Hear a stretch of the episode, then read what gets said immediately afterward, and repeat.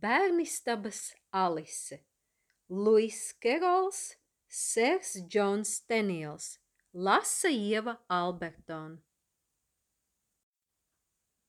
Trešā nodaļa – Asaru dīķis. Var jau būt, ka Alise tauprāt no prieka vai gavilēja, kad pēc mazās tortes apēšanas saprata, cik satriecoši gara izstiepusies var jau būt. Jo tagad nu gan bija gana viegli aizsniegt atslēgu uz stikla galda un atvērt sīk sīciņās durvis. Jā, protams, viņa to visu bez pūlēm varēja izdarīt, bet kāds gan labums no atvērtām durvīm, ja tām netiek cauri. Diemžēl situācija bija vēl sliktāka nekā iepriekš. Alise spēja vienīgi noliekt galvu līdz pašai zemē un ar vienu aci ielūkoties iekšā, un tas bija viss, ko meitene varēja. Nav nekāds brīnums, ka nabaga bezgala garais bērns apsēdās un sāka liet tik gaužas asaras, it kā sirds lūstu pušu. Viņa raudāja un raudāja, un asaras plūda lejup gluži kā dziļdziļa upe un krājās zāles vidū. Pavisam drīz izveidojās visnotaļ krietns asaru dīķis, kas aizņēma turpat pusi zāles, un Alise tā arī būtu de zāles vidū stāvējusi vai visu dienu, ja baltajam trusim ceļā pie hercogienes nevajadzētu šķērsot šo pašu telpu – Trusis bija uzcirties ne pa jokam. Vienā rokā lepni turēja divus baltus bērnu cimdus un glītu mazītiņu vēdekli otrā, un visu laiku pie sevis turpināja.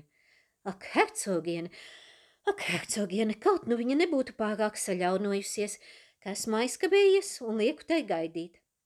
Un saprot, viņš nepamanīja Alisi.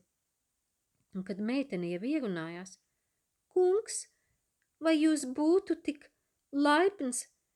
Viņas balss šķita plūstam kaut kur no pašiem griestiem, jo galvas lejās tik aplam augstu. Trusis briesmīgi pārbijās, nometa baltos cimdus un vēdeklis zemē un laida vaļā ļakas, cik ātri vien jaudāja. Tad notika kaut kas tiešām neparasts.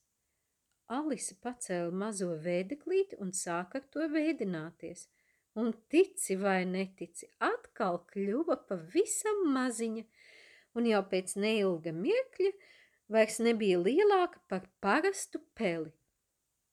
Tagad aplūko zīmējumu, un tu viegli uzminēsi, kas notika tālāk.